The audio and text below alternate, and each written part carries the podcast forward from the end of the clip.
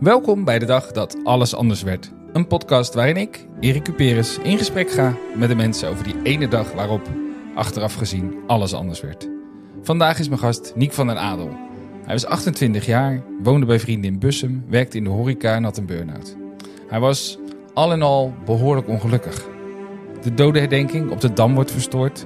Het kraakverbod treedt in werking. De Arabische lente begint en in Nederland is er een witte kerst. Alors une danse van Stromae staat op nummer 1. En toen werd het 16 juli 2010. De dag dat alles anders werd. Nou, wat een introductie, uh, Erik. Hey. Ja, wat een treurig verhaal niet. Ja, ja, de, ja zo, zo luister ik er dus helemaal niet naar. Dat is wel grappig, ja. uh, als je dat nu al vertelt. Ja. Nee, nee, nou ja, ik, ik, probeer altijd een beetje een beeld te schetsen van het moment voor de gebeurtenis. Ja. Um, en over het algemeen krijg je dan redelijk, ja, weet ik veel, gewoon huis, uh, hobby's, weet ik veel. Maar 28 jaar werken in de horeca, bij vrienden wonen dat klinkt niet alsof je zeg maar op een lekker spoor zat. Nee, dat is één ding wat zeker. Dus dat is hetgeen wat we in het verhaal. Uh, dus nog ineens zozeer die data, maar dat is wel een ongelukkige periode in mijn leven. Ja, ja. ja de, de, de, de, de, de, weg kwijt zijn. Dat is, hmm. de, zo, zo kan ik het misschien het beste beschrijven. Ja. Kom je uit een relatie? Nee, nee, sterker nog, ik was al heel lang, heel lang wel op zoek. Want je komt dan een beetje op de leeftijd dat je... Mijn vrienden gingen samenwonen. De, kregen, de eerste kregen al kinderen. Ja. En, uh, ja, en ik woonde, ik ging vanuit Amsterdam naar, naar Bussum toe inderdaad. En een heel klein kamertje bij vrienden wonen. Wat een hele goede stap was, want ik was eindelijk uit die grote stad waar ik niet kon aarden. Ah. Maar ik zat echt totaal met mezelf in de knoei. Gewoon ja, echt uh, alleen maar op de bank liggen met chips en cola. Ja. Uh, nou, en dat, de, en dat, dat bekostigde je in de horeca? En dat bekostigde ik in de horeca, ja. Dat was een beetje het leven, ja ja, zoekende of zo. Dat is nog hoe ik het beste kan beschrijven ja. misschien. En had je, had je iets gedaan qua opleiding of zo? Of was er wel een plan? Nee, er was ooit een plan. Ja. Uh, nee, ik ben, ik ben uh, de hotelschool gaan doen en, en daarna niet de hotelschool of niet de hotelwereld ingaan, waar ik eigenlijk heel gelukkig van werd, maar de consultancy in, waar ik een beetje het grote geld achterna ging. Ik dacht dat me dat voornamelijk heel gelukkig ging maken. Geld maakt gelukkig. Ja, dat is echt een uh, hele goede strategie voor je leven, ben ik wel achtergekomen. dat weten we nu, hè? Ja, ja, ja, dat is wel, ja, dat kan ik iedereen aanraden. Ja. Um, maar voor mij was dat, um, ik denk dat dat voor mij de eerste keer was dat ik zo, alsof je, als ik nu terugkijk, hè, alsof dat een soort van eerste richting van mijn pad af was. Ja. Dus dat ik voor het eerst echt een keuze maakte die puur voor het geld ging, voor status ook wel, mm -hmm. ego ook. Um, en, en daarmee heel langzaam, zonder dat ik het door had, ja, van letterlijk van mijn pad afliep. Ja. Um, en, en, uh, en, en uiteindelijk heb ik wel de keuze gemaakt om terug te gaan die horeca in. Ja. Alleen ja, op dat moment was ik er echt nog zeker niet. Nee. Mm. En uh, je zegt al van het, ik, ik, dus de eerste keer dat ik onbewust uh, van het pad afging. Zo. Geloof je dan ook dat er een pad is? Um, Oeh, ja, jij denkt, ik val er gelijk in ja, uh, aan het begin van deze podcast. Nou ja, ja, ja. zijn er nou toch? Dat is een goede vraag. Ja, ik, ik geloof wel dat er een, ik geloof wel dat er een, een pad, een bedoeling, een richting is. Ja. Ik, ik ben wat, des te ouder ik word, merk ik, des te minder ik begin te geloven in de maakbaarheid mm. uh, van het ja. leven. Nou, ik denk dat we dat delen. Mensen die de podcast vaker geluisterd hebben, die weten ook dat ik soms wel eens betoog dat er niet zoiets als vrij wil. Ja, maar, ja. maar daar zeg ik er dan ook wat bij, omdat het, we het wel zo ervaren, kunnen we gewoon net zo goed doen alsof het er wel is. Ja, precies. Dat zeg je heel goed. Ja. Hey, we, we, we, gingen het hebben over die dag dat alles veranderde. Ja. Uh, oh, ik ben de datum alweer vergeten. Ja, 16 juli 2010. Ja, ja jij bent het niet vergeten. Nee, wat nee, wat gebeurde nee. er op die dag? Nou, ik, ik, ik had dus uh, die stap gemaakt weer. Uh, ik werd ongelukkig in Amsterdam. Ik had de stap gemaakt naar de horeca. Ik werd bedrijfsleider van een ZEL uh, evenementencentrum in, in Loosdrecht. Wat op zich een hele mooie stap was. Want het is hier een fanatiek zeiler ja. en een jongen die van horeca houdt. en daarbij kocht ik ook een motor. Dus ik ging wonen in Bussum en mijn woon-werkverkeer ging op de motor. Ja. En, en, en dat was voor mij vrijheid, adrenaline. Uh, nee, ik denk voornamelijk vrijheid nog, als ik hem zo, uh, ja. zo zou, uh, zou moeten benoemen. En um, we hadden het terras top 100, hele lange dag gewerkt. en, en een borreltje gedronken, ook nog eens een keertje. En s'avonds, in plaats van dat ik me naar huis laat rijden door vrienden of de taxi, stap ik wel op mijn motorfiets. Ja. En ga ik s'nachts rond een uurtje of drie onderuit. en dat was het moment dat alles anders werd. Ja. ja. Dat klinkt niet als een kleine klap. Nee, het was een flinke klappert. Dus, uh, dus ik ben uh, ja, gewoon in een bocht echt waar ik rechtsaf moet slaan, rechtdoor gereden. Door de lucht heen geslingerd en op mijn rug terecht gekomen. Ja. ja en, en, en, daar in een, in een vorm van uh, verstand, verbijstering zo wakker geworden. En, en, eh, maar ik had zo'n tik op mijn rug gemaakt dat ik al gelijk niet meer op kon staan. Eh, m- mijn stem deed ook niet meer, dus ik, er kwam ook geen geluid meer uit mijn mond. En het was midden in de nacht op een dijkje waar, waar verder niemand mij kon zien of horen. Eh, dus dat, dat betekent ook dat ik tussen drie uur s'nachts en zes uur in de ochtend daar alleen heb gelegen. Oh.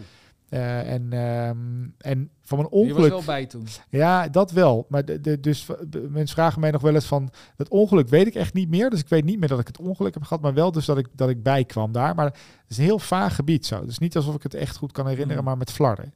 Eh, maar ik weet wel dat ik... Dat ik, dat ik ehm, dus ik kon het ook niet goed begrijpen. Ik had net zo goed in mijn bed thuis kunnen liggen. Zo dat idee. Een soort, soort koortsige droom of zo. Ja, ja. Hmm. Ja, en, eh, en heel langzaam kwam dus, dus tussen drie uur en zes uur eh, in de morgen heb ik daar alleen gelegen. En heel langzaam kwam steeds meer het besef terug dat het, dat het echt foute boel was. En naarmate dat meer terugkwam, des, ook des te meer de paniek terugkwam van, eh, nu is het echt wel serieuze, serieuze bedoeling en ik moet wel iets gaan doen. Ehm, wil ik dit overleven? Ja. Ja. En je kon niks doen, want je lag daar. Nee, nee. Dus, eh, en ik heb ook wel geprobeerd om hulp te schreeuwen, maar er kwam echt eh, een heel zacht stemmetje uit mijn hoofd. Eh, terwijl, ja, terwijl die dichtstbijzijnde huizen 40 meter verderop stonden. Ja. Die mensen sliepen allemaal natuurlijk. Dus, dus uiteindelijk kreeg ik dus het besef van een mobiele telefoon. Voor Oh ja. ehm, hè, de mensen die zeggen dat ik te veel op mijn mobiele telefoon zit, dat klopt. Maar hij heeft wel mijn leven gered. Want ja, daar heb ik uiteindelijk dus nog, die deed het ook nog, eh 112 mee kunnen bellen. Oh. Eh, en, eh, en die hebben me toen 's ochtends rond een uurtje of, nou wat is het, zes gevonden. ja. Ehm, en toen hebben ze, ja goed, A2 afgezet en mij het, het AMC in Amsterdam ingereden. Hmm.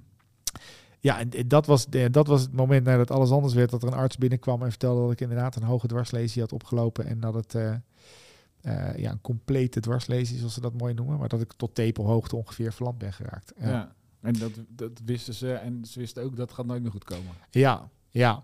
Nou, nou heb ik wel een, eh, een, een, een, eh, een haat-liefde verhouding met die uitspraak. Hè? Dus, Mhm. dus, ik, ehm, ehm, dus het, het, überhaupt dat een arts tegen mij vertelt, ik snap het uit zijn principe wel. Je hebt een complete dwarslezing, maar dat Ja. betekent dat je daaronder niks meer voelt en niks meer kan bewegen.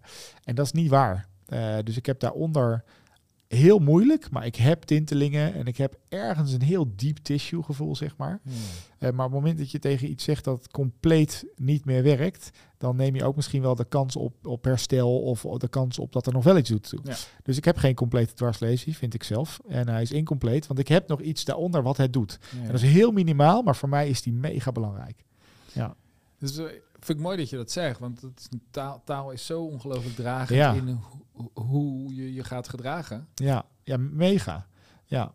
Dus de, de arts bij het UWV heeft toen gezegd dat ik 100% was afgekeurd. Dat vond ik ook wel bijzonder. Ja. En eh, Ja. Ik weet niet of iedereen die luistert jou kent. ja, Maar je hebt drie bedrijven. Ik zit hier op jouw prachtige kantoor. Eh, is voor het eerst trouwens ook oplevering, eh, eh, aflevering opnemen buiten mijn eigen pand. ja, ja, ja, ja. Ehm, dus je bent absoluut niet eh, afgekeurd. Nee, zo voel ik me niet. afgekeurd, maar je werk je eh, drie Ja. slagen in de ronde. Ja, dus ik snap hem wel. Hè. Ik, ik snap hem vanuit het vakgebied, snap ik het prima. Het is ook helemaal geen wijzend vingertje. Alleen taal is heel belangrijk, omdat als ik dus de rest van mijn leven tegen mezelf blijf zeggen dat ik een complete dwarslezing ben en dat ik 100% ben afgekeurd, ja, dan heb ik misschien wel een heel ander leven als dat ik nu heb. Ja, want dan wordt het ook deel van je identiteit en dan ga je dat misschien geloven. Ja, ja die dus. Ja, het- zo belangrijk is taal. Want dan, laat ik zeggen dat dan 80% van je lichaam het niet doet. Nou ja, ja, ja, zeker. Ja, ja, ja, dus dan ben je nog maar 90. 20%. eh, Ja, ja 20% goedgekeurd. ja. Ehm, Nou is dat stuk wat er bovenop zit best wel belangrijk. en meer iets, iets, iets of zo. Ja, met dat hoofd. Ja. Ja. Hey, maar, maar nou ja, goed. eh, dit, dit is ook achteraf. Hè. Je leeft je leven vaak ook achteraf. Eh dat kun je het duiden. Maar dit is in dat moment. Je krijgt zo'n boodschap. Ik denk niet dat je al deze nuances toen er, eh, Nee, zeker niet. Zeker niet. Dus er was een. ehm, eh, de, de periodes daar waren. kijk, ik heb acht maanden daarna het revalidatiecentrum gelegen. Je gaat van IC naar medium care naar, naar ga maar verder. Ja. Ehm, dat waren ook. hele, hele, er waren ook hele donkere maanden. En ook hele donkere. Ehm, kijk, je, je bent, je bent, ik was 28 en je kan zelf plassen, je kan zelf poepen, je kan zelf eh, van alles. Wat ik me niet realiseerde op dat moment, want Nee. zo happy was ik dus niet. En dan kom je in één keer in een situatie waar. Ja, maar ik sta ook niet elke ochtend als ik opsta dat ik denk, oh wat fijn dat ik kan plassen. dat Nee, is best wel vanzelfsprekend. Nee, nee, ik zou het je wel gunnen. Ja, Ja. ja. Eh, nee, maar is ook wel zo. Dus ze noemen dat wel. Dat is een beetje hetzelfde als ik nu tegen je zeg: ja, voel je billen. Is dat de eerste keer waarschijnlijk dat je vandaag je billen voelt? Ja. En toch ga je, ja, het is allemaal zo'n cliché man. Je gaat dingen pas waarderen als je ze Ja, niet ja. hebt, Maar het is Ja. wel waar. Ja.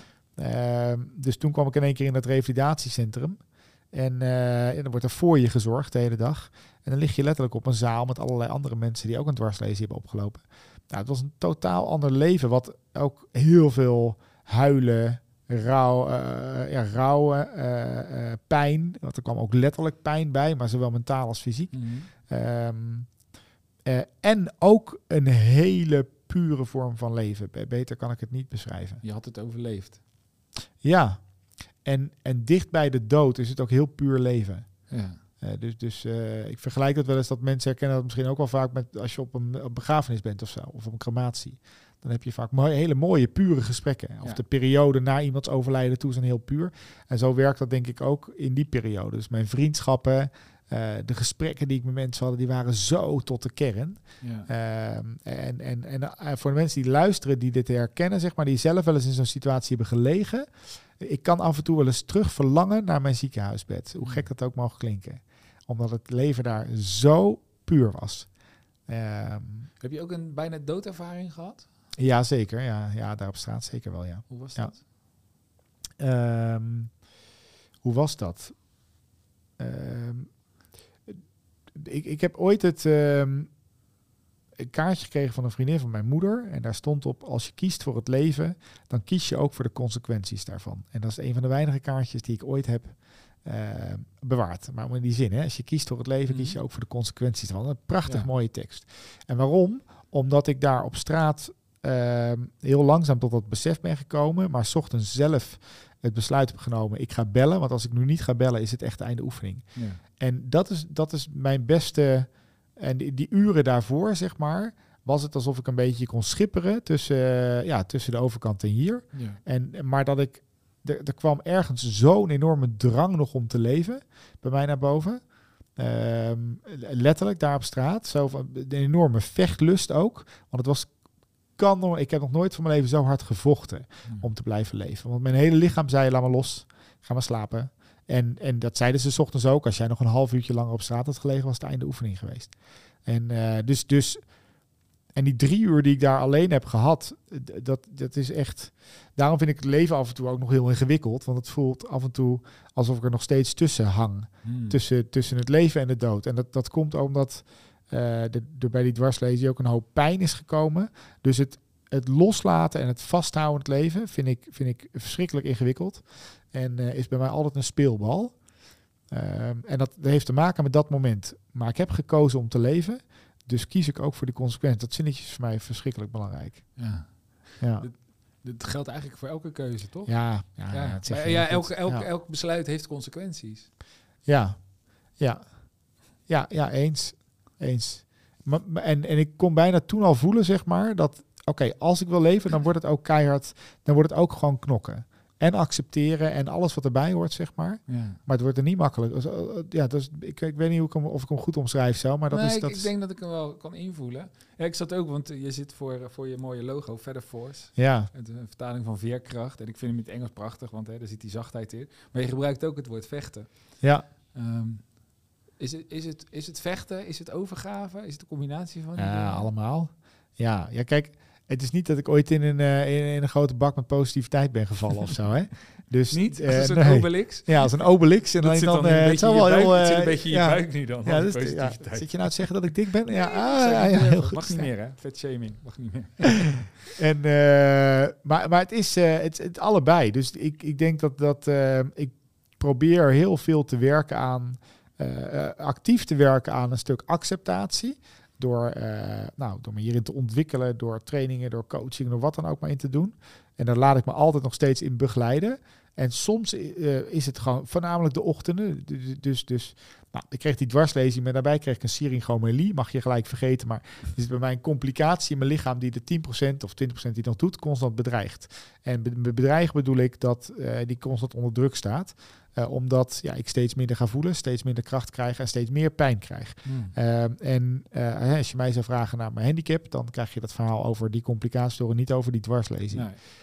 Ehm, en waarom vertel ik die Maar- nou? Oh nee, ja? Ja, nou ja, de, de- de- eigenlijk feit- feitelijk zeg je dat het dus niet stabiel is.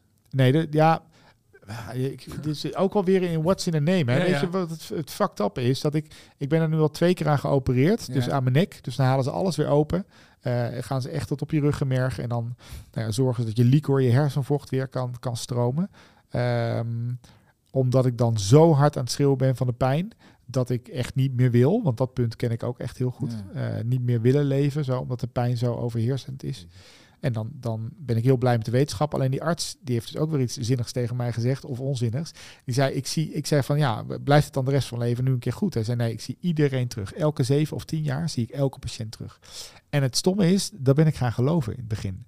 En, en, en laatst zei Kim ook tegen mij, zei van nou, hou eens op man. Kom op, die serings gaat gewoon niet meer terugkomen bij jou. En eigenlijk kan ik dat al lang voelen van, van binnenuit. Dat hij helemaal Ja. niet meer terug gaat komen. Dat hij niet meer erger wordt. Alleen ergens heb ik dus dat zinnetje in mijn taal weer. Hè? Poeh, ja. man, het is zo in mijn, eh, in mijn, in mijn gedachten gestopt. Dus ik heb nu gewoon... Dus ik geloof en dat durf ik nu te voelen. En ook uitspreek. Ik merk dat ik het dus nog steeds eng vind om uit te spreken naar je. Dan denk ik, ja, maar wat nou als hij straks wel weer terugkomt? Dan heb ik dat, nou ja. Ja, ga je. Eh, ja, ja, dat is hem ook, ja. Ja. Ehm, maar dat zorgt er wel voor dat eh, het af en toe dus nog steeds vechten is. Ik veel werk aan acceptatie gewoon, dat de pijn er mag zijn. Dat eh, ehm, als ik andere ouders met hun kinderen zie voetballen, dat het nog steeds pijn doet. En dat ik daarbij kan blijven in plaats van dat ik hem alleen maar op probeer te lossen. Ja. En, en ehm, ja, het andere moment hangt je niet voor niets een grote poster van Tony Robbins. Is de NLP'er in mij, wat ik een verschrikkelijk woord vind. En Mhm. wil ook gewoon wel eens wat handige strategieën toepassen, waardoor het me lukt. Ja. Ja. Ja. Ja, de, ja ik, ik, ik, vraag me dan ook af waar die weerstand tegen NLP zit. Eh, niet per se bij jou, maar in de maatschappij. Ja, Het is ook gewoon een manier om je hersen, hersenen te trainen. Is het ook. Super is het ook. handig. Nee, Ja. mega handig. Nee, de, de, de- mijn weerstand zit erin dat niet alles oplosbaar is. En ik vind NLP fantastisch. Ja, Eh, ik gebruik het heel veel. eh, ook in, in mijn speeches, maar ook in de trainingen. Alleen, ehm, ik, ik heb net afgelopen jaar een mooie ACT-opleiding mogen doen. Dus de Acceptance and Commitment Therapy. ja, prachtige methode. Ja, prachtig. En ik merkte dat ik eh, dat daar mijn grootste winst ligt. Dus in het leren accepteren Ja. wat me overkomt, in plaats van het alleen maar op willen lossen. Ja. En, en beide is het een enorm krachtig iets. Alleen mijn grootste uitdaging ligt in het accepteren. Ja. Misschien is dat het juiste. Ja, zou het ook kunnen, en dat is ook een beetje psychologie van de koude grond, maar dat je het nodig had om eerst, eerst vo- vo- volledig te vechten wellicht, om, om te zorgen dat je bleef staan. Dat is misschien een raar woordkeuze in dit geval. Dankjewel. Ja. Heel fijn, heel fijn Erik. Ja, heel goed. Ja, als mens. Ja, Jezus. heel goed. Maar dat je, eh, en, en, en dat je naarmate je daar beter in bent geworden, ook meer ruimte voelt voor dan, dan ook het acceptatiedeel. Je hebt natuurlijk dat, eh, dat eh, beroemde gebed hè, over de, de wijsheid om te, of nee, de, eh, de kracht om te accepteren en de wijsheid om het verschil te, te kennen Ja. tussen dat wat je niet kan accepteren, want niet kan veranderen. Ja, Zo, zoiets. Er zijn gewoon dingen die, die zijn wat ze zijn. In jouw geval dat ongeluk. precies. En ik kan me ook voorstellen dat er wel momenten in je leven zijn geweest waarin je dacht: My god, dat ben ik een sukkel. Ik ben met drank op op een motor midden in de nacht gaan rijden. Had ik dat maar nooit gedaan. Ja, ja die is dus gek genoeg eh, heel in het begin alleen maar geweest. Ja. En eh, eh, sterker nog, op de, ik denk dat ik op de medium care lag. daar heb ik echt enorme helbuien om gehad. Want ja, heel eerlijk, ik heb wel gewoon gedronken en ik ben Ja. gaan Je motorrijden. hebt het jezelf aangedaan. En ja, zeker. Het is een eenzijdig ongeval. Er alleen geen mij. Je dacht niet, weet je wat nee, nee, laat ik Nee. eens eventjes... het, is een goed businessmodel, maar laten we dat niet... Nee. Ik weet nog dat ik op de medium care lag en dat paps, eh, mijn vader bij mij in bed kwam en dat ik echt zo'n hel bij had en heel erg boos, verdrietig. Voornamelijk nou, schaamte is misschien wel het beste woord. Ik kan me zeker voorstellen als je vader daarbij is. Ja, ja, ja, echt schaamte van wat, wat, wat. Dus ik zat al niet lekker in mijn vel, zeg maar. Ja. En ik ben op die motor gestapt en ik had ook nog gedronken. Ja. Wat zei je vader Ehm, toen tegen je? Nou, ja, daarom heb ik er daarna dus... eh, die, die zei, dit is de allerlaatste keer dat je het uitspreekt. Mhm. En, waar- en de rest van je leven heeft het echt geen zin om je daar nog druk over te maken. En dat heeft hij op de een of andere manier zo genadeloos liefdevol Mhm. gezegd op dat moment.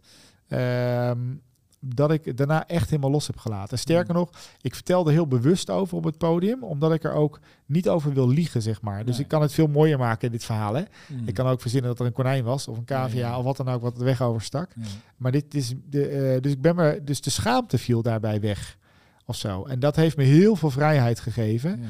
Eh, door gewoon te accepteren, letterlijk, dat, dat, dat, dat ik dat heb gedaan. Dat het een punt in mijn leven is geweest. Ja, en, da- en dat ik daar nu alle hele mooie en minder mooie dingen van mag eh, plukken. Ja. Ja. Ja. er zijn heel veel hele mooie dingen in jouw leven. Zeker. Ja. Ja. Dat is, ook, dat is ook wonderlijk. Ja, daar komen we ongetwijfeld ook. Of daar zijn we ook eh, nu al, in die zin. Wat, wat... ehm, ja, weet je, het- we kunnen fantaseren. Dat kunnen wij mensen. We zijn verhalenvertellers. En volgens mij eh, is dat hetgene wat ons onderscheidt van andere zoogdieren. Wij kunnen, wij kunnen betekenis geven aan dingen. En we kunnen Mooi. fantaseren over de toekomst en over het verleden. Heb je wel eens gefantaseerd hoe het zou zijn als, als dit je niet was overkomen? Eh, nou, ik, ik fantaseer nog wel eens dat ik, eh, dat ik kan lopen. Dus dan Mhm. ga ik terug naar het laatste moment en dan ga ik allemaal dingen doen in mijn dromen die, Ja. die, ik- die ik nu niet kan. Ja. Of anders kan. Een blik soep van de bovenste plank. Nou, die dus ja. ja. Een rondje rennen, nou, dat, dat soort ideeën. Ehm, ik, nee, ik heb niet zozeer gedacht van wat is nou, wat zou mijn leven zijn geweest als ik, ehm, als me dit niet was overkomen. Omdat ik, ehm, ik, ik had gewoon, omdat ik in niet zo'n lekker vaarwater zat, weet ik niet hoe ik die, die turn eh, dan had gemaakt. Daar zit ik dan meer over na te denken. Ja. En ehm, nee, dus, dus het is niet dat ik nou, nee, eh, nee, nee, misschien was ik eh, een hele vervelende jongeman geworden of zo, ik weet het niet. Ja. Ja. In een Ja. pak. Een consultant in een pak. Ja, ja nee, die had ik al weggedaan, dus die had ik al had weggedaan. weggezet. Nee, maar jij, jij- jij, jij bent meneer Veerkracht, toch? Ja de, de, de marketingtechnisch eh, noem ik mezelf zo. Ja, Ja, nou ja, maar het is, het is een term die veel voorbij komt in, eh, in, je, in je lezingen. ja. Ehm, ja, we zitten hier in het kantoor van Featherforce. ook nog. vaak genoeg gezegd worden. Dus de, je hebt iets met die term Ja. geval. Ja. Want je zegt zelf, ja, in marketing. Verklaar Nee. me nader. Ja, verklaar je nader. Nee, ik geloof ook in talen, hè, wat je tegen jezelf zegt. Ehm, kijk, dat portie veerkracht is niet zo evident geworden. Ook aan, eh, ja, als mensen mij binnen zien rollen, letterlijk, dan is het voor mij, en of het dus nou vechten is, accepteren is, werken is, of wat het dan ook maar is. Maar het veerkracht is een, heeft echt een dagelijks thema in mijn leven. Ja. Ehm, dus- dat is niet het stuk wat mensen zien, denk ik. Want ik heb jij natuurlijk ook regelmatig aan het werk gezien op Ja. het podium. Het is altijd een indrukwekkend verhaal. Ehm, maar maar het lijkt wel alsof dit stuk daarin niet zo heel erg meedoet, wat je me net vertelt. Ja, ik, ik snap je punt wel. En eh, ik probeer dat steeds meer in te bedden. En tegelijkertijd blijft het heel lastig ook om het te ontvangen, merk ik van mensen. Ja. Eh, ja we willen een succesverhaal. ja. ja, en als je iets te zwaar maakt, kan je het niet meer tillen. Dat zit dan in mijn hoofd. En ik probeer op dat podium niet alleen maar het Mr. Positivo verhaal te vertellen. Mhm. Maar ik probeer zo open en transparant mogelijk te zijn dat ik drie, vier nachten per, per week niet slaap. Ja. Dat ik vaak verga van de pijn. Letterlijk. Want, want ik, hoeveel ik ook doe aan coping om met mijn pijn om te gaan, dat blijft mijn struggle. Ja. Ehm, en tegelijkertijd horen mensen ook het succesverhaal. Ja. En, en heb ik dat ook wel. Dus in het begin denk ik dat ik heel veel dat verhaal heb verteld, omdat ik er ook zo in zat. En tegelijkertijd, ja, mijn leven is geen roosgeur en maneschijn. Nee. Ik heb een prachtig leven en ik zou echt oprecht met niemand willen ruilen daarin. Ehm, alleen, het is niet het meest makkelijke eh, leven, nee. Het is, het, het is natuurlijk ook gewoon allebei waar. Eh, ja, ja, eens. Toch? Ja, in, de, in alle dualiteit, ja. Ja. Ja.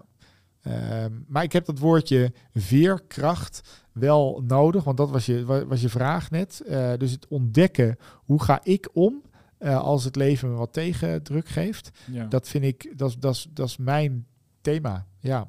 Ja. En ik merk dat me dat heel veel levensvreugde oplevert. Ja, en dat is echt mijn missie geworden om dat eh, bij een hele hoop mensen nog naar binnen te krijgen of nog meer te mogen ontwikkelen ja. omdat ik daar zelf heel gelukkig van word. Eh, Ja. Het leren van de, van de deuken in ons leven. Ja. het leren van deuken in ons leven. Dus je Ja. hebt eigenlijk heb je een uitdeukerij. Een uitdeukerij. Ja, dat is wel, dat, is wel, Dat zeg je heel goed trouwens. Ja. Die ga ik van je stelen, ja. Ja, een uitdeukerij. Ja. Ja. Ja, nou ja, het leven. ehm, ik zei het gisteren nog tegen iemand. Dat, zeg maar, als, het als je het leven als levels zou beschouwen. en elk level zou gewoon een rechte streep naar het volgende poortje zijn. en dat honderd keer. Zo elk jaar een level. Dat zou echt bloedsaai zijn. Ja, echt, tekent niemand voor. Nee, dat is het ook. Dus iedereen die, eh, al die struggle, dat is wat het leven, het leven maakt. Misschien eh, bedoelen de boeddhisten dat als ze zeggen het leven is lijden. Mooi. Ehm, maar, en, en, en, en tegelijkertijd, ook weer in die dualiteit, zou je ook wensen, jezus man. Ik bedoel, dat je dat ongeluk hebt gehad is, is al erg genoeg. Ehm, en, en, en dat je het hebt overleefd, fantastisch. En dan krijg je die pijn er ook nog bij. Ja. En Weet je, hoe, hoe, hoe kijk jij na, aan tegen mensen die zeggen, ja, je, je, je krijgt wat je aan kan? Zoiets. Ja, je ziet, de, ja, de, de, de beste, kijker, de luisteraar ziet mijn gezicht ja. niet, maar ik heb Ja. daar een mening hele sterk. Nee, helemaal niet. Het kwam helemaal niet over zo. Nee, ja. nee. De beste leerlingen krijgen de moeilijkste opdrachten. Ja, ja, die dus, ja. hoe kijk jij daarnaar? Nou, je, je zei net, eh, de boeddhisten zeggen het leven is lijden. En, en ik vind ook wel, ook uit het boeddhisme natuurlijk, is ook betekenis vinden in het lijden. En, en, en ik vind, dus een zin die ik dan vaak gebruik is, ik wil de rest van mijn leven een leerling blijven van mijn pijn. Ja. En eh, die gaat niet weg. En die hoeft ook niet weg, maar dat geldt eigenlijk voor iedereen. Dus wat ik altijd probeer, is een beetje mijn vertaalslag te maken naar degene die tegenover me heb. Ehm, en ehm, krijg ik dan de, de, de moeilijke opdracht omdat ik hem kan dragen? Ik, ik weet het niet of, de, of het leven zo werkt. Eh, ik weet wel, ik ken namelijk ook genoeg mensen die hele moeilijke opdrachten krijgen en ze niet kunnen dragen. Ja. En ehm, Ik ken ook mensen En- die hele makkelijke opdrachten niet kunnen eh, dragen. nou ja, ja, dat is hem ook nog. Hè? Dus ik, ik, het is een prachtig mooi zinnetje. Ik weet alleen niet of die nou echt zo werkt. Of, het, of het leven het zo uitdeelt aan je. Wat ik wel weet is dat we allemaal, we, we krijgen inderdaad allemaal tikken. En Ja. eh, een groot, klein, of er iemand overlijdt, er wordt iemand ziek, je wordt ontslagen, je vriendinnetje maakt het uit, en, eh, ga maar verder. Mhm. We krijgen ze allemaal. Ja. En ehm, wat, ik, wat ik wel lastiger daar nou gaan vind, dat mensen komen vaak naar me toe en zeggen ze, ja, nou, ja, eh, ik heb dit meegemaakt, maar dat stelt eigenlijk niks voor als ik het vergelijk Ja. met dat van jou. Ja. En dat is, dat is absoluut niet waar. Ehm, dus, dus, dus een profvoetballer die zijn grote teen stoot, dat kan op dat moment echt groter zijn dan mijn dwarslezing. Ja. Alleen, ik denk dat veerkracht, dat is een, de Duitsers zeggen resiliëren. Hè? De- de- daar- in Duitsland is het een werkwoord. Ja. En veerkracht had eigenlijk wel een werkwoord mogen zijn. Ja, ja. Omdat het Veerkrachten. eh, veerkrachten, ja. Dan moet je uitkijken dat je Ja, goed ja nee, ik, eh, harde ik, E. ik, ik- een hele harde E. Ja, Anders wordt het een heel... ingewikkeld. Ja, ja, daar hebben we weer een MeToo'tje Ja, aan ons. Ik ben eh, niet nee, is niet... heel eh, veerkrachten. ja, Pardon? ja, ja, eh, wat? Ja, ja. Ja. Ja, moet je vergeten. Ja. Dan ben ik gewoon het dyslectisch. Als je dan een E en hou maar op. Ja. Ja. Oh, mooi, ja. Eh, maar dus het is wel, het is wel echt, het is een actief iets. Het is wel, ik denk dat het wel, eh, het is wel werken aan. ja. En tegelijkertijd kan ik dat dragen omdat er, ik zit uit te kijken hier op een prachtige foto van mijn moeder achter jou. Ja. Omdat ik een prachtige, liefdevolle opvoeding heb gehad. Hele fijne mensen om me heen heb. En een omgeving ook heb waarin ik dat kan doen. Ja. Dus ik probeer altijd dus weg te blijven bij dat Mr. Positieve verhaal. Een beetje positief denken, goed voor jezelf zorgen, Mhm. een paar goede oefeningen. Ga lekker in actie en dan komt het wel goed. Terwijl dus, d- daarom ik, eigenlijk probeer ik nog steeds te zeggen dat ik het niet eens ben met dat zinnetje. Want eh, eh, Kim, mijn vrouw, werkt nog steeds bij de dwarslezieafdeling. En er komen vaak genoeg mensen binnen die op dat moment die dwarslezie echt niet kunnen dragen. En dat is helemaal oké. Ja. Ehm, hè, dus, dus geen liefdevolle jeugd gehad, van weeshuis naar weeshuis. Eh, geen vrienden, eh, moeilijk kunnen praten, eh, geen we- of weinig werk hebben en dan die dwarslezing Mhm. krijgen. Ja, en, en dan... Ja, of hem niet krijgen, dan heb je alsnog... nou ja, ja. ja, ja, oh, ja, ja, eens, ja, eens, ja, ja, Ja. ja. Dus, dus ja, het zinnetje ontkracht bij deze. Ja. Ja. Nou ja, prima. nee, ja, het is altijd, weet je, heel veel van die coachingszinnen die, eh, die hartstikke waar zijn, die hebben ook die andere kant in zich. En ik, ik, ik vind Ja. dat je altijd moet proberen in ieder geval bewust te blijven bij het feit eh, dat wat voor jou als persoon geldt, niet per se voor een ander hoeft te gelden. En Precies. jij bent Niek en jij hebt het voor elkaar gekregen om dat wat jou is overkomen, of wat je jezelf hebt aangedaan, of hoe- je er ook naar wil kijken, dat mag je allemaal zelf weten Ja, het om te zetten in iets heel moois. Ja. Ook in iets heel moois. En dus ook in die, die pijn die blijvend is. En die probeer je ook nog te gebruiken. Ehm, want, eh, en ook dit is natuurlijk koffiedik kijken. ehm, is dat iets wat komt, ja, je zei het net, hè, liefdevolle ouders. En daardoor heb je die resilience, eh, die veerkracht kunnen tonen. ja, Denk je. Weet denk je ik. zeker. Ja, Ja. ja. Dat is mijn theorie nog Ja. even, ja. Want, het, want ik weet niet hoeveel van dit soort ongelukken er per jaar gebeuren. Maar er zijn er niet zo heel veel eh, uiteindelijk op een podium terechtgekomen. Nee, maar ja, Daar ken ja ik er twee goed. van. Ja, daar ken ik er twee van. Ja, Jaap Ressers Ja. en, eh en, en Niek van Adel. Ja. Ehm, er, zit, ehm, er zit één factor in die we denk ik hevig eh, eh, eh, onderschatten. Mhm. En dat is ook de factor geluk. En vind ik wel, vind ik wel bij interessant. Geluk bij een ongeluk. Mooi, je bent wel van de woordspelingen vandaag, hè? Ik doe de alle titels van jouw komende tien boeken. Niet te doen, joh. Ik, schrijf- ik ben, voor de mensen die ik ben aan het meeschrijven. Ja. Ehm, dus dus ik vind geluk nog wel eens onderschat. En, en ik weet nog niet eh, ehm, of het nou per se geluk is of dat. Ik weet, Jos eh eh, Burgers, een collega spreker van mij, die zegt wel eens heel mooi. Janiek, als je meer eh, loten van de loterij koopt, dan heb je ook meer kans om te winnen. En En misschien is dat wel de mooiste uitleg van dat geluk. Dus als je jezelf meer in staat stelt om eh, eh, door ja te zeggen, door kansen te verkennen, door dingen aan te pakken, dan heb je ook meer kans dat het naar je toevalt. Ja. Uh, tegelijkertijd, dus ook het podium, had ik gewoon, ja, ik ging, ik ging revalideren. En werd smoor verliefd op mijn ergotherapeuten. En ja, ja, is dat nou, is het leven, is het toeval of niet? Ja, het is wel gebeurd. Ja, ja fuck it. Ik werd er hartstikke blij van Ja. in die periode van mijn leven. Nou, daar schreef ik een boek over. En toevallig of niet, geef maar weer, kwam dat boek eh, goed uit. Ik kwam met Bertel Late Night en alle televisieprogramma's. En kreeg heel veel exposure. Ja, en toen mocht ik gaan spreken. Maar Erik, ik had nog nooit van het vak spreker gehoord. Nee. Echt nog, ik wist geen eens dat het bestond. Nee. Eh, dus iemand zei, hier, fles wijn, kom eens een verhaal vertellen. Ja. Wist ik veel. Drie kwartier met tablet voorlezen. En nou ben je ze allemaal aan het uitleggen dat dat niet de bedoeling is. Ja, ja, precies. Zo. Oh markt, shit, ja. shit, gaat die markt weer. Dus ik zit al te denken van in hoeverre heb ik dus zelf kansen gecreëerd of in hoeverre heb ik gewoon ook een beetje geluk gehad. Of Mhm. misschien wel allebei. Ja. Ja. Ja, grappig. Ja, dat is ook... de- de- Hoe zie jij dat? Ja, oh nee, ik vind het super interessant. Ik, eh, ik, ik had altijd mazzel. En, eh, of nog steeds eigenlijk, vind ik. Eh, en op een gegeven moment, maar ik heb ook echt behoorlijke tegenslag gekend. Maar ik, heb, ik hoef gelukkig niet in deze podcast. Bijna iedereen die, met wie ik in gesprek ben, die zegt, ik ga jou ook een keer... eh, Ja. Dat wil iedereen dan heel graag. Ja. Maar volgens mij geef ik ook genoeg voor mezelf. weg. Maar dat tezijde. Ehm ik, ik ga een soort metafoor gebruiken, alleen het is wel, het gebeurde echt. Eh, als ik eh, in de uitverkoop in een kledingzaak kwam, dan ging ik zo door die rekken heen. En dan hing er één ding wat me aanstond, wat ik echt leuk vond. En dat was altijd mijn maat. En daarvan zou je kunnen zeggen, dat is geluk. Maar ik heb achteraf ook wel eens bedacht dat, dat het misschien een veel simpeler verhaal is. Namelijk dat ik gewoon al zo snel door had dat al die andere dingen niet mijn maat waren, dat ik dat niet eens meer registreerde. En dat het dus ook een soort, soort aandacht of focus is voor datgene waar ik iets aan heb. En ehm, eh, eh, ik denk dat het zo ongeveer werkt. Dat, dat als, je, als je open blijft staan en, en, en je jezelf. eh, eh, eh, ja, dat is dan ook vertrouwen. Maar ik, ik, ik, ik hou van het woord overgave in deze. Dat je jezelf durft over te geven aan datgene wat zich aandient.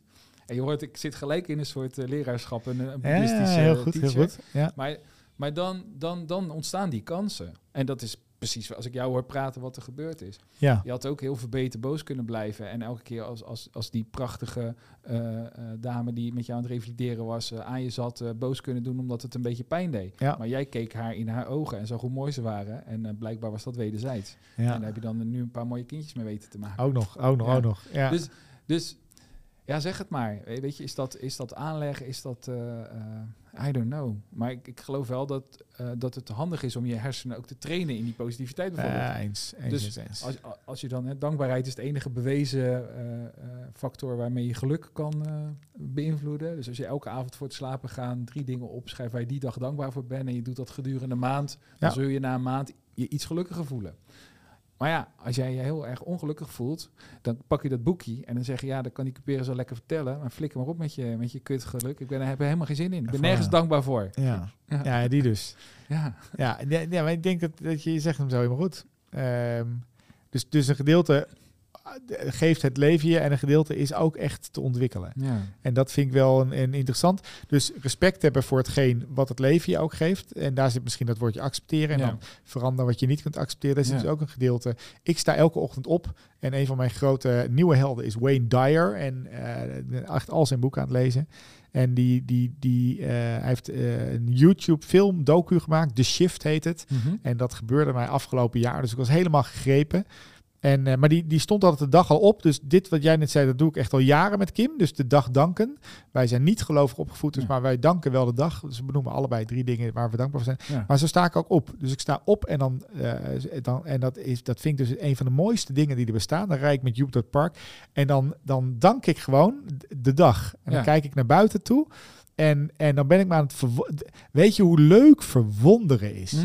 Dat vind ik dus echt een van de leukste dingen die Ja. er bestaan. Ik heb dat moeten leren. Ja. Maar dan ben ik met Joep door. Ik kan me verwonderen over lantaarnpaal. Ik kan me verwonderen over dat het gras geknipt is. Ik kan voor, en voor de mensen die nou zitten te luisteren, denkt die van de adel, die is helemaal van het padje af. Maar het is dus echt heel erg leuk om je te verwonderen over een boom. Om te verwonderen over een prachtige oude mevrouw die langs komt lopen met een hondje. Om te, omdat het me enorm vervulling, eh, eh, wat is dat, eh, Ja. eh, en gelukkig maakt. Dus, dus daar sta ik mee op en dan ga ik altijd mee naar bed. Ja. En, en dat is iets wat nu in mijn systeem zit. Ja, daar ben ik ja, ultiem happy van dat dat lukt.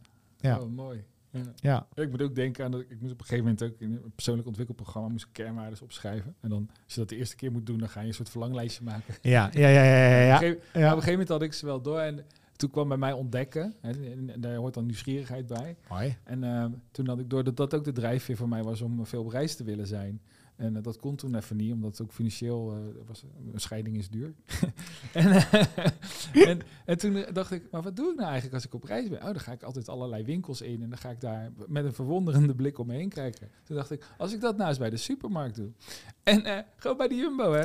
En Echt, dan hè? allemaal, ging ik gewoon bij allerlei dingen die ik nooit gebruik, ging ik gewoon verpakkingen staan kijken. En dan dacht ik, nou ja, het lijkt allemaal op elkaar. Dat is ook gek. Waarom zouden mensen dan nog... En, en ook, waarom zijn er eigenlijk 88 soorten ontbijtgranen? Die, eh, zou je echt de behoefte hebben om... Wie heeft dat bedacht? Ja, nou ja, en dan, en dan heb je dus ook gewoon je reis. Ehm, Ja, dus, mooi. Mooi. eh, ja, kwam je hier nou terecht naar vierde Ja, verwondering? ja, geen idee. Ja. Maar ja, het is wel een mooi iets. Kun, je, kun, je, kun je het nog terughalen voor je ongeluk? Had je dat toen ook al wel, bij Tijd en Weilen? Los van dat je toen op dat moment dat het gebeurde, was je niet heel happy. Maar daarvoor, eerder, hoe, hoe was de kleinere Niek? Nou, ik, ik eh, vraag hem wel eens aan. aan eh, eh, ik ik krijg die vraag best wel vaak. Eh, en eh, dus ik vraag dat, ik heb dat wel eens aan vrienden gevraagd. En ik krijg wel, waar ik altijd, ik ben opgegroeid in een gezin met twee therapeuten. En God. ja, die dus ja. Oh. En eh, dus als ik altijd, kwam ik, weet, je vergeet zei net dat je geen trauma's Nou, had. man, kwam ik thuis en dan zeg ik, mam, ik ben boos. En dan zegt ze, waar voel je dat? Ja. Ik zeg, nee, mam, ik ben boos. Ja, maar waar voel je? Nou, dat eh, maar daar heb ik wel thuis, zeg maar, al waar, genadeloos liefdevol weer. Hè? En Ja, ja. thuis wel mogen leren hoe ik eh, al omging eh, met persoonlijke ontwikkeling, met wie ben ik zelf, waar sta ik voor. En, ehm, en, en dat heb ik altijd heel interessant gevonden, die ontdekkingsreis al. Maar ik heb eigenlijk eh, daardoor, ik ben altijd een hele positieve kerel wel geweest. En ik heb Ja. altijd wel het halfvolle glas gezien. Tot een moment in mijn leven dat ik het eventjes, dat ik dus weer van het padje Ja. afging en ik het niet meer snapte. Ja. Dus ja, ik denk een gedeelte daarvan eh, zit gewoon lekker in je DNA. En, en dat, dat DNA, ja, ik kan echt een hele hoop dingen niet hoor. Dat vraag maar aan Kim. Maar eh, Mm. ik, ik ben wel goed. Ik denk dat ik, dat ik eh, positief ben ingesteld. En positivisme kan je ontwikkelen voor een gedeelte. En tegelijkertijd is het ook een groot gedeelte in je DNA. Ja. En, eh, en daar heb ik ook gewoon mazzel mee gehad. Heb Ja. ik gewoon puur sec mazzel mee gehad. Twee ouders die dat allebei hebben. Ja. En ehm, Het zaadje is, eh, het was ook A, een goed zaadje. Ja. Een redelijk eitje dan ja, ook, die nou ja, twee. voilà. En dan ook nog in vruchtbare grond. Hupskee. Ja. Ja. Ja, dat zeg je mooi. Dat zeg je mooi. Ja, letterlijk in vruchtbare Ja. grond. En daar ben ik nu wel heel erg blij mee, want Ja. eh, dat heeft me tijdens mijn revalidatie al gelijk heel erg geholpen ook. Ja. Dus blijven opzoeken, waar word ik nou eigenlijk happy van? Ehm, het was niet het pak, het was niet de stropdas, hè, Nee, maar, man, maar, maar jij, jij was echt zo op zoek. En toen met die klap, ja, toen weer je gedwongen om er met een soort eh, extra sneltreinvaart... ja, eh, wel 100 ja. ja. En dat is ook, ik denk dat dat het mooiste cadeautje is wat mijn dwarslezing me heeft gegeven. Dat is dat eh, wij, wij mensen zijn in de laatste vijf à zes jaar van ons leven pas vaak bezig met die betekenis, het betekenisvraagstuk. Wat was het, was het het waard? Ja. Waarom doe ik wat ik doe? ja. En dat is bij mij echt na 28 jaar verplaatst.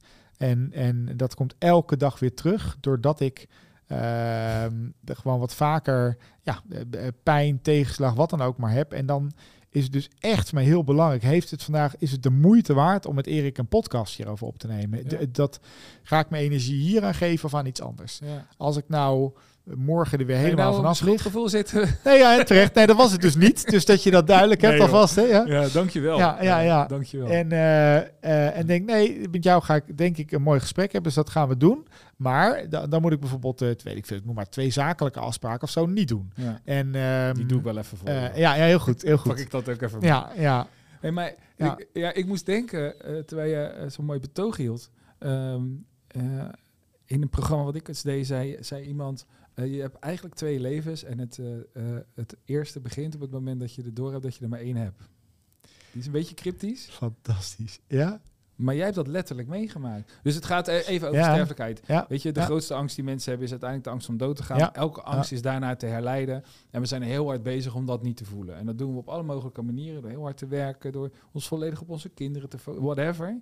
En, en ergens hangt constant die, die, ergens in de verte hangt de dood, want dat gaat gebeuren. Ja. En daar willen we niet aan. Dat, we doen alles om dat...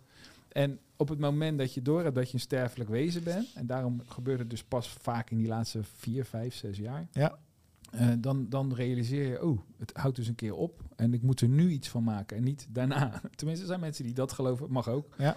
Ja. Ehm, en ja, jij hebt dat dus letterlijk meegemaakt. Op je 28ste. Toen Ja. had je door, fuck, ik heb maar één leven.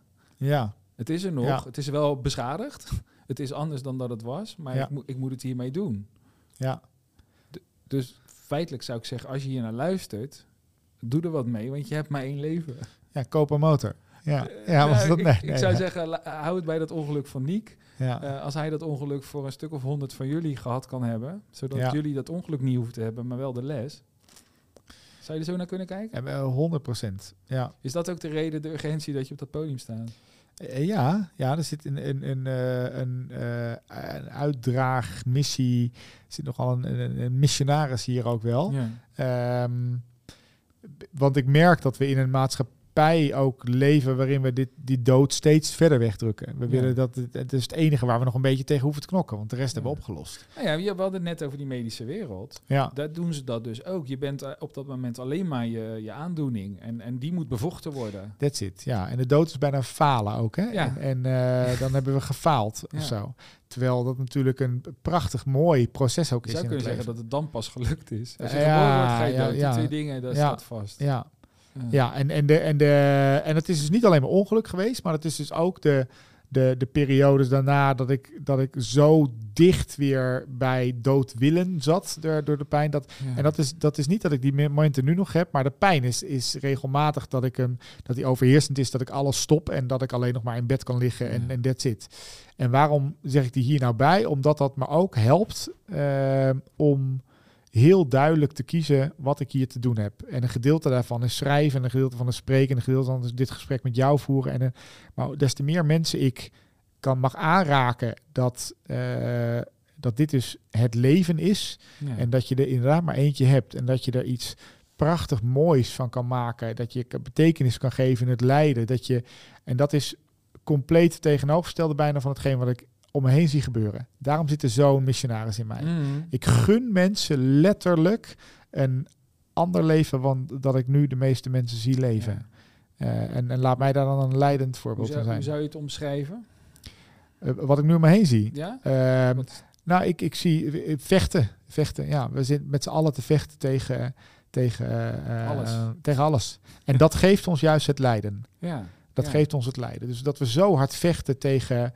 Ehm, nou, ik zeg een heel klein voorbeeldje nu is, is het eh, de, de energiecrisis tussen haakjes. Mhm. Dat we allemaal kei aan het aan het vechten zijn omdat we terug willen naar het oude. We Ja. moeten terug dat onze huizen 21 graden zijn, dat we door kunnen stoken, dat Ja. we olie Ja. We zijn alleen maar aan het knokken.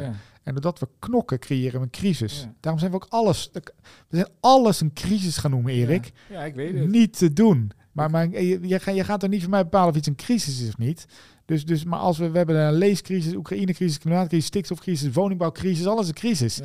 Maar nee, dit is helemaal geen crisis. Het is een transformatie. Het is Ja. een verandering zoals we al eeuwenlang veranderen. Ja. En als ik mensen daar verzachting, begrip, verandering in kan brengen, hoe we daarmee om kunnen gaan, ja, dat is voor mij, man. Ah, Acceptatie. ja, ja, ja, Ja. daar word ik heel happy van als ik daar mensen in mag bereiken. Ja. Ehm, en dat is dus weer accepteren dat het leven je tegenslag geeft. En dat doen we niet meer, want de wereld is maakbaar geworden. Ja. Ja. Dus het accepteren is het grootste onderdeel van veerkracht? Mag ik die conclusie trekken? Eh, eh, ja, maar dat is, nou, dat is meer de volgorde. Ik weet niet of het de grootste is, het is de volgorde. Ja, het straks had dat mooie zinnetje. Accepteer wat je niet kunt veranderen. Mhm. Verander wat je niet kunt. Maar het is wel in die volgorde. Ja. Dus ik denk dat het eerst begint met het. Eh, Dus een kleine, je wordt ontslagen of ehm, weet ik veel, je kan eh, je energierekening niet betalen of je voelt je even niet happy. Dat je leert te accepteren dat het leven dus af en toe pijn doet. Ja. Dat hoort er gewoon, het hoort er gewoon en het bij. is ook alleen maar een gebeurtenis. Ik bedoel, Eh, of nou voilà. ja, alleen maar is dan misschien... Maar het is... ehm, mensen doen het doen vaak alsof het persoonlijk is. Alsof het hen overkomt. Ja. En ehm, eh, het gekke is, in jouw geval is het ongeluk, dat is nog echt jou overkomen. Dat zou je bijna nog persoonlijk kunnen maken. Maar de, ik, ik weet niet hoe jij dat hebt gezien, maar in de coronacrisis, ja, ja. eh, toen sprak ik zoveel mensen die het persoonlijk maakten. Die, die zoiets hadden van, waarom overkomt mij dit? En Ja. ik had zoiets van, dude, volgens mij is dit een wereldwijde pandemie. Dit hebben we allemaal. ja. ja. Eh, de- de- dat, dat, dat stuk, zit het daar in die hoek? Ja, ben mega. Ja, eh, ja dus, dus was het voor jou een crisis, een coronavirus, hè, of zoals mijn kinderen het noemen, de grote coronavakantie. Ja, Dus het is dezelfde gebeurtenis. de krokusvakantie. Ja, maar dat is hem. En door Ja. anders over een gebeurtenis te gaan denken, krijg je gebeurtenis een andere realiteit. ja, ja. En toen ik dat ben gaan snappen, en, en waarom ben ik dat gaan snappen? Ik ben eh, drie, vier jaar geleden, gingen er bij mij echt zo'n 30, 40 pillen in per dag. Mhm. En die heb ik af weten te bouwen in twee, drie jaar tijd. Het was een heel heftig proces, naar echt 10% daarvan. ja, De- Als je mij of mijn grootste accomplishment zou vragen, zou dat hem zijn. ja. En, en de mooie zin die ik daarbij heb geleerd, alle pijn zit in het brein. En dat Mhm. is een analogie die we over de rest van het leven heen kunnen Ja. gooien. Dus ook mijn zenuwpijn gebeurt in mijn brein. Ja. Er is niks met mijn armen en toch staan ze de hele dag in de fik. ja. Eh, en, en ik heb geleerd inmiddels als ik mijn gedachten daarin weet te onderzoeken, Ja. als ik weet te onderzoeken hoe ik in mijn lichaam zit, dat ik daarmee ook mijn pijn oplos. Ja. Ik weet niet of iedereen me nou nog kan volgen, maar ik geloof je heilig in. En ik, dat, ik, ik volg je volledig. ja, en dit geldt voor alles in het leven. Dit geldt dus ook voor de coronacrisis. Ja, eh, of voor eh, je relatiecrisis of je werkcrisis of wat het dan ook maar is. Als je je gedachten die je daarover hebt verandert, letterlijk. Door eh, meditatie, door stilte, door sporten, door goed. Dan ga maar verder. Mhm. Ehm, door het er gewoon te laten zijn, ehm, verandert dus ook de gebeurtenis. ja. Zo simpel is die. En, en het is het moeilijkste wat er bestaat. Ja, eigenlijk, eh, ik stond net even naar je boekenkast te kijken. Maar eh, ongeveer elke, elke stroming, eh, of die nou godsdienstig is, is van aard of eh NLP-erig, of noem maar op, die, die komt bijna altijd op dat punt uit. Het accepteren van dat wat is. Ja, Ehm, en, en er zit ook altijd wel weer die interessante dualiteit in. Hè? Dat als je gaat mediteren, dan, dan wordt je brein op een bepaald moment rustiger. Alleen als je gaat mediteren om een rustiger brein te krijgen, werkt dat niet. nee. En eh, het, is, het, is, het is de hele tijd dat, dat spel. En dat, als je dat begint te doorzien, want jij zei net iets en dat vond ik heel mooi en heel interessant. En ik hoop dat de luisteraars dat goed gehoord hebben. Namelijk dat die pijn altijd in je brein zit. ja, Want ja. uiteindelijk is dat brein is hetgene wat alles processt. that's it. En, eh, eh, en überhaupt gebeurt alles in ons, in eerste instantie in dat brein. We, we hebben zintuigen, er komen dingen binnen, het komt in dat brein en vervolgens gaat het brein dingen doen. En eh, dat is ongeveer het enige waarvan we vrij zeker weten dat dat zo werkt. Ja, Alleen, ja. ja. op het moment dat je inderdaad de pijn voelt en hem niet wil voelen, dan heb je, een dubbel, eh, heb je iets dubbels gecreëerd. ja, ben je aan het vechten. Ja. Maar ja, om de pijn te voelen en te denken, oh, hallo pijn, wat kom je me vertellen? Ja. Eh, als ik het dan zo met zijn stemmetje doe, is dat Ja. ook weer een beetje... Ja, ja, En daar ergens eh, bevindt het zich wel. Jezus, ja, 100 procent. Hoeveel mediteer jij? ja, het is altijd een.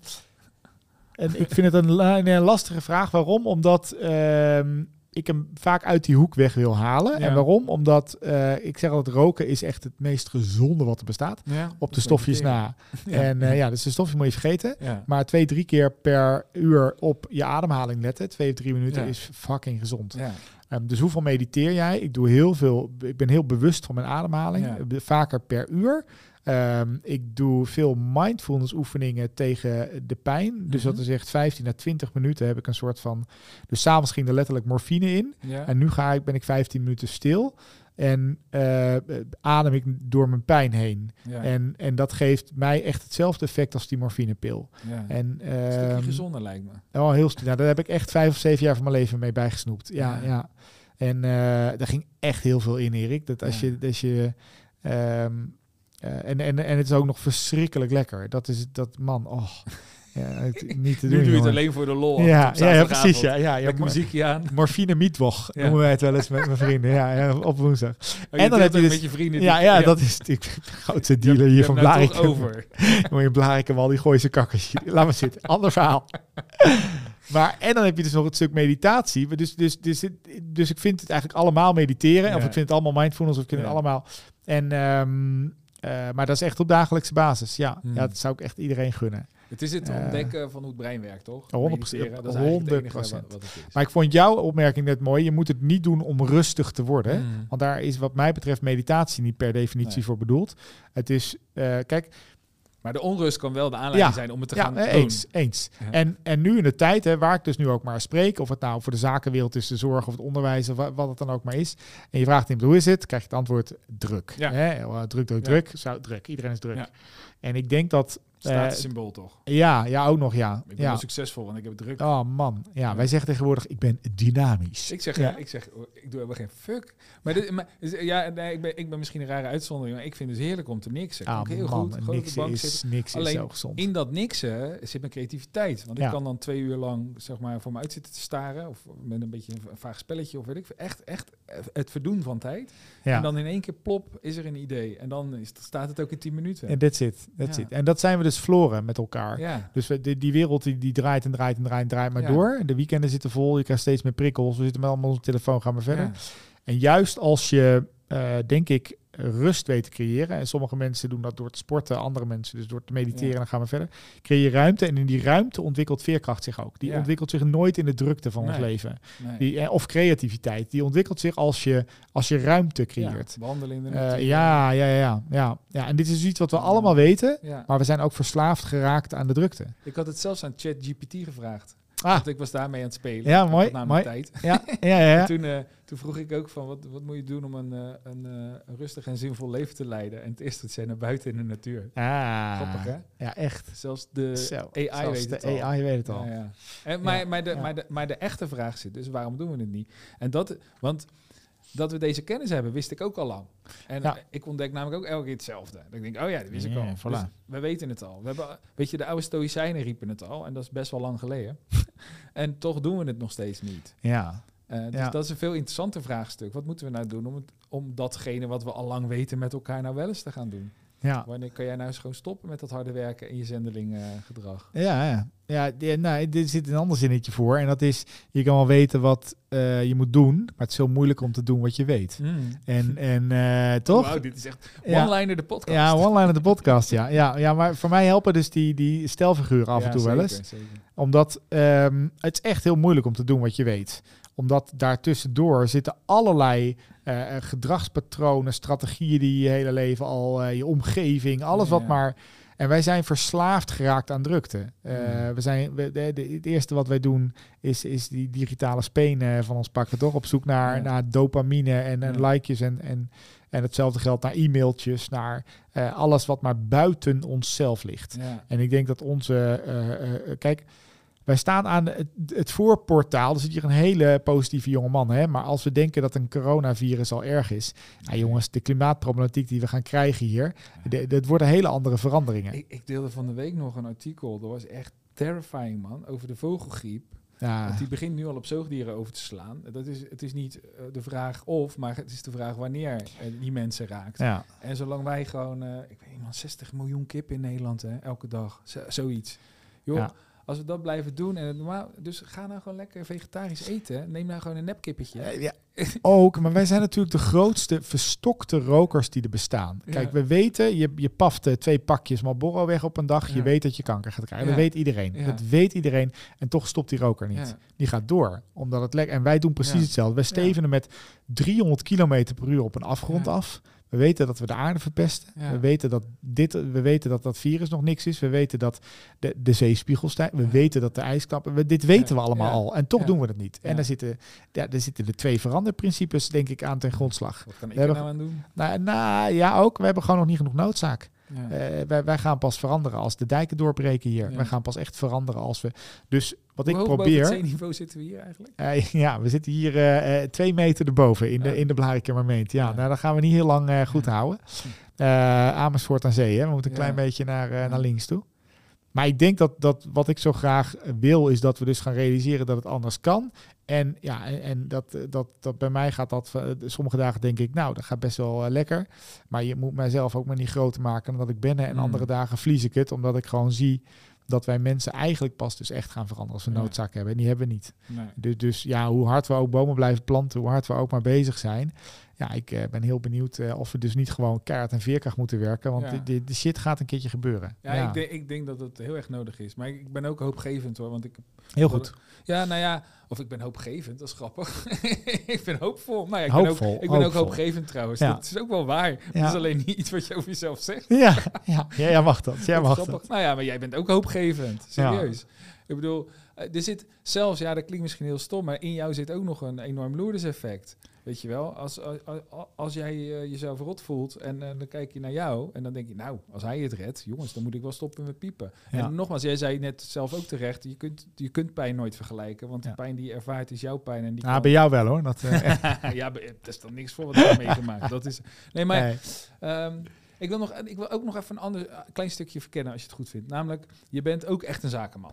Ja. En, uh, en uh, ik gebruik bewust dat woord, want een zakenman, dan zie je weer zo'n pak en zo. En uh, weet je, succes en weet je, het leven is te gek en al. Tony Robbins hangt hier ons aan te kijken. Ja. Dat is ook echt een zakenman. Die hangt naast Nelson Mandela. Ja. Op een bepaalde manier ook nog wel een zakenman, denk ik. Die heeft wel zijn business goed voor Goed gezegd, ja. ja. ja. Um, en ik wil eigenlijk gewoon een paar reussprongen maken, want je hebt drie bedrijven. Ja. Um, waar, waartoe zijn die drie bedrijven op aarde? Nou, ten eerste, dit is mijn eigen, mijn eigen BV. Daar schrijf ik boeken onder en daar schrijf ik, uh, uh, schrijf ik graag, spreek ik graag over. Ja. Uh, ik denk dat ik de, de missie heb om voor mensen uh, deuren te laten zien. Nog ineens te openen, maar ik wil graag mensen deuren laten zien. en uh, ze mogen zelf besluiten of ze willen openen. En ja. dat is hetgeen wat ik het allerliefste doe. Dus ik, ik kijk graag naar onze samenleving, naar de maatschappij. Daar lees ik over, denk ik over na. Zit ik heel veel in die grote stoel van mij, om een ja. beetje voor me uit te turen. Ja. Dat is wat ik daar doe. En toen dacht ik, ja, maar ik heb ook vehicles nodig. Ik heb voertuigen nodig mm -hmm. om dat in de wereld te zetten. Dus daar is inderdaad Team Heartbeat uitgeboren. En dat, is een, dat is een club die bestaat nu inmiddels uit 30, 40 mensen. Uh, trainers, psychologen, coaches die uh, niks anders doen dan werken aan de veerkracht van mensen, ja. wendbaarheid van bedrijven, ja. zodat mensen van waarde blijven op een aarde die het waard is om op te leven. Precies. Dat is een heel ja. mooi zinnetje, maar dat is wel waarom we doen wat we doen. Dus ik mag dan mensen een uurtje aanraken en zij mogen lekker in hele leiderschapsprojecten, trainingsopdrachten in het bedrijfsleven werken aan die verander bereidheid. Dat is ook een beetje het logische gevolg, toch? Je, je, vertelt heel vaak je verhaal ja. en je denkt, ja. oh, mensen zijn geïnspireerd, maar ze doen er nog niet echt iets mee. That's nou, ik ga ze ook iets bieden dat ze er wat mee kunnen. Ja, toch? Ja, ja, want laten we heel eerlijk zijn, ik kan mensen een uurtje lang inspireren, motiveren, gaan we verder, maar daarmee heb ik, nou, zo'n kleine uh, slagkrachten. Ja, precies. Uh, dus als je een langere periode met mensen mee mag lopen, alleen ja, ik heb daar de, de, tijd, de energie en het geduld voornamelijk niet voor om dat met mensen te doen. Uh, dus daar heb ik hele leuke mensen en twee hele goede bestuurders. Ja. Uh, Danielle en Marlene die die club aansturen. Ja, shout-out. Um, hele leuke shout-out. Hele leuke vrouw. Ja, je hebt ze ontmoet. Een tweeling ook tweeling. nog een keer. Ja. Hele leuke tweeling. Ja. Nou ja, en die kunnen dus ook heel goed wat ik niet kan. En dit bedrijf was echt niet ontstaan als ik het was. Ik ben echt de allerslechtste manager die bestaat. Ja. En uh, structuur, ja, ho maar, chaos, fungeer ik heel goed in. Maar ja. dat is kennelijk geen goede om een bedrijf in te bouwen. Nee, maar dat is, dat is wel typisch ondernemers en creatieve eigen. Ja, voilà, voilà. En, en uh, dus, dus dat, is, dat is het vehikel wat dus wat veerkracht de wereld inzet. Ja. En dat mag wat mij betreft nog veel groter worden, omdat ja. ik daarmee uh, nou, nog veel mensen, meer ma mensen mag bereiken. Ja. ja, en het andere vehikel is de Speakers Club. En toen dacht ik, ja, hoe kun je nou... Kijk, je hebt als he who holds the marker earns the most. Dat is een. Engels ding. Dat gaat niet over geld. Maar dat betekent dat je op het podium best wel heel veel slagkracht hebt. Je kan veel mensen bereiken. En toen dacht ik, als ik nou mensen met een mooi verhaal het podium kan bieden... wat ze eigenlijk al lang verdienen... maar als ik ze daar nou eens een beetje in kan helpen. Ja. Dus daar werd de Speakers Club uitgeboren. Dat doe ik samen met Mandy Schild, mijn uh, collega-onderneemster. En uh, inmiddels nog twee partners erbij. Ja. Uh, een heel mooi theater gekocht in Leidsendam... waar Ja. we eh, echt de nonnen van Vught van Sprekend Nederland gaan zijn. En, ehm, De nonnen van Vught. Ja, nou, is toch leuk? is toch Kanonnen. cool? Ja, Kanonnen. Ja. De kanonnen van Vught. Leuk man. En, en mensen ehm, met een mooi verhaal, een goede boodschap. Ja, als ik die momentum kan geven, dan hebben we dus nog veel meer slagkracht. En of dat Ja. dan gaat over geluk, veerkracht, samenwerken, gaan we verder. Ja. Maar de boodschap moet, moet of, nou ja, zal, zal altijd iets zijn wat bijdraagt aan een betere wereld. ja, daar ga ik echt helemaal op aan. Ja, ja, ja. dus als je puur eh, bij ons eh, over de six figures to success. En eh, hoe, word je, hoe koop je een rode Ferrari op Bali, zeg maar? Ja. Ja, dan moet je niet bij ons zijn. er Nee, komen nee. geen sprekers met een, eh, met een cursus eh, online marketing. Ah, nee, de, tandjes. Nee, Ja. nee, nee, nee, dan moet je lekker hele andere dingen gaan Ja. doen. Ehm, ja, En- maar dit is dus ook een manier om, om die positieve boodschap te verspreiden. zeker weten. Ja, ja. Dus iets maken wat groter is dan mezelf, dat, dat, dat probeer ik echt al jaren. En dat is legacy. Ja, ja, lieve legacy. Nou ja, als je het hebt over zingeving. Eh, kijk, ik, ik- nogmaals, ik moet mezelf niet groter gaan maken dan dat het is. Hè? Mhm. Eh, ook ik ga gewoon een keertje dood en na een tijdje iedereen mij weer vergeten. En dat is helemaal oké. En af en toe zullen ze nog een keer een boekje lezen of af en toe. Maar, en dat Ja. is ook helemaal oké. Ja. Dus dat lieve legacy moet ik niet te groot maken. Ik ben geen Caesar en ik ben ook geen Nelson Mandela. En tegelijkertijd kan ik doen wat in mijn impact ligt. Ja, En dus, dus groot of klein is daar niet per definitie. Waar ik alleen heel happy van word, is dat. Eh, eh, eh, dat, dat is mijn mentale fooi die ik elke dag krijg. Dat zijn brieven, reacties van mensen die trainingen bijvoorbeeld bij Heartbeats hebben gevolgd. Die, die net ergens op het podium staan wat ze Ja. kunnen doen. Of die geraakt zijn door wat dan ook maar. Die ik een stapje heb mogen helpen. Ja, dan ga ik echt met zo'n grote glimlach naar bed Ja. toe. Ja, dat vind ik echt het mooiste wat er bestaat. ja, dat snap ik. Ja, daar hoeven ze me echt nooit voor te betalen. Dat moet je niet tegen mijn opdrachtgever zeggen. Dus, maar dat, is wel Nee, wat het is. Dit, Ja. moet je, dit moet je er dan maar uitknippen. Ja, ja, heel goed, heel goed. Nou ja, daarover gesproken, want dat, is, dat vind ik dus wel interessant. Je bent echt een ondernemer, voor, voor Ja. mijn gevoel ook echt een rasondernemer. En eh, bij ondernemen hoort opbrengst. En je hebt het nu heel erg over de, zou ik een spirituele opbrengst noemen? De, Ja, mentale de fooi, ja. Mentale vulling, ja. Ja, Eh, maar daar hoort ook gewoon een, een factuur bij. een zeker weten. Ja. En eh, zit dat wel eens in de weg? Heb je wel eens het gevoel dat, eh, dat, dat, dat, dat, dat de balans verkeerd is? ja, zeker. Ja, vaak genoeg gehad ook. Ehm, ja, maar ook in mezelf. Dus ik, ik vertelde straks even over, over Wayne Dyer. En hij, hij schrijft heel mooi dus de shift in, zijn, in die docu. En dat is bij mannen vaak van mijn leeftijd ook wel de shift van ambition to meaning. Mhm. En ik merkte wel dat de afgelopen jaren dat ambitiestuk van mij, eh, dus het neerzetten van de bedrijven, eh, het groter worden van mijn sprekerscarrière, en het werd internationaler en groter, maar ook de facturen werden groter. En Mhm. ja, spreken is een, is een beroep waar mensen echt fors voor betalen. Ja, ik weet het. Eh, en en ja, ja, daar weet je alles van. En daar, vind- daar heb ik zelf ook wel even aan moeten wennen, maar Ja. vind ik helemaal niet erg. nee.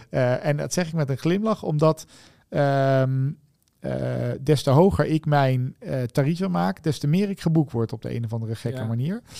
Eh, een tip, eh, luisteraar. ja, dat is echt wel een tip voor En jezelf. jezelf ja, ja, vooral. 100 procent. Ja, ja, ja. 100 procent. En, eh, en daar werk ik keihard om. Maar eh, des te, ik krijg elk jaar erbij, krijg ik meer en meer de zalen die ik het liefste wil beïnvloeden. Waar Ja. ik het liefste voor wil spreken. Ja. En, eh, eh, en dat betekent niet altijd in getalen, zeg maar, maar wel de mensen die ik tegenover me heb zitten. En daar word ik ultiem gelukkig van. Dat is keihard werken. Ja. Dus zit dat in de weg? Ja, dat ambitiestuk, eh, dat, dat weet iedereen die met mij werkt. Dat kan me absoluut, want er is een enorme drive in mij. Dus ik ben niet makkelijk om altijd mee te werken. Alleen die drive is ook wel eens vaak vanuit ambitie gekomen. En ik probeer hem steeds meer vanuit ambition to meaning, vanuit mijn betekenis. Hé jongens, zijn we nu eigenlijk goed aan het doen? Zijn we aan het bijdragen? Klopt het nou eigenlijk? Dus morgen klopt er eh, Shell aan of klopt er wat dan ook maar aan die een heel groot eh, veranderproject willen. Dus helemaal niet dat ik daar nou per definitie nee tegen zeg omdat ze alleen maar olie verkopen. Nee. Alleen klopt het dan wat wij aan het doen zijn of zijn we aan het bijdragen zodat ze meer olie kunnen verkopen? Nou, de- dat laatste, daar moeten we dan nee tegen zeggen. Dus ik vrees dat je tegen Shell sowieso nee moet zeggen. Want dat is het enige Dat is doen. tweede. Ja, ja, dat ben ik wel met je eens. Ja, ja, ja met hele mooie groene reclame. Ja. Ja, haal maar op. Eh, ik werd zo boos toen, to- toen zij de mogelijkheid boden om... eh, je kon voor een cent of twee cent per liter... kon je je CO2 ah, hou eens op. Dat is toch echt... Maar, maar dit accepteren mensen dus. Als je het dan hebt over verwondering. Ja, maar dit gaan we allemaal accepteren, man. Die gooien nu een paar miljoen tegen wat groene reclames. Ook wij zijn bezig met energietransitie. Fuck it. Ze maken Ja. 40 miljard winst het afgelopen jaar Ja. door gewoon veel te veel olie te En, verkopen. Engeland zei, Shell moet kapot. En tegelijkertijd, wij maken er gebruik van. Door auto's te rijden, door, eh, door onze huizen op die manier te. Nou, ga maar verder. 12 Dus, Tesla. eh, ja, heel mooi, heel mooi. Hey, eh, Ja. maar dat was gewoon omdat het een belastingvoordeel in zich had. Oeh. Ehm, eh, eh, we zijn al zo lang aan de lullen. Volgens mij kunnen we nog twee uur door. Dat gaan we niet doen. ja. Eh, wat is er naast werk en, en eh, zo eh, het allerbelangrijkste in je leven? Je moet even iets over je kinderen zeggen. liefde. Ja. Liefde. Maar dat is het wel. Ja. Dat is het wel. Dat- Ik kan heel mooi. Maar ik, het enige wat we nodig hebben in het leven is een schepje liefde. De rest verzinnen we er echt allemaal bij. En, eh, en vaak komen we daar pas achter als je diep bent gegaan in het leven. Eh, maar dat is echt, de- jongen, toen ik daar die drie uur op straat lag, was ik echt niet bezig met die grote carrière en mijn maatpak en wat het dan ook maar was. Maar was ik echt alleen maar bezig met, eh, heb ik genoeg liefde om me heen gehad? Eh, heb ik genoeg kunnen geven, eh, genoeg kunnen ontvangen? Ja. Ja, en als ik dan nou hier in een prachtig huis mag wonen met de, de mooiste vrouw van de wereld en drie prachtige dochters, liefdevolle vrienden, familie, nou, dan is het leven heel mooi. Ja. Ja, oprecht heel mooi. Ja. Ja. Met hoop wijze lessen. Je hebt volgens mij heel veel prachtige mooie lessen gedeeld. ik ben je zeer dankbaar voor dit gesprek. Want het is belangrijk dankbaar zijn. Dan ga ik gelukkig naar huis. Hey, hey, heer. Dankjewel. Merci, dankjewel.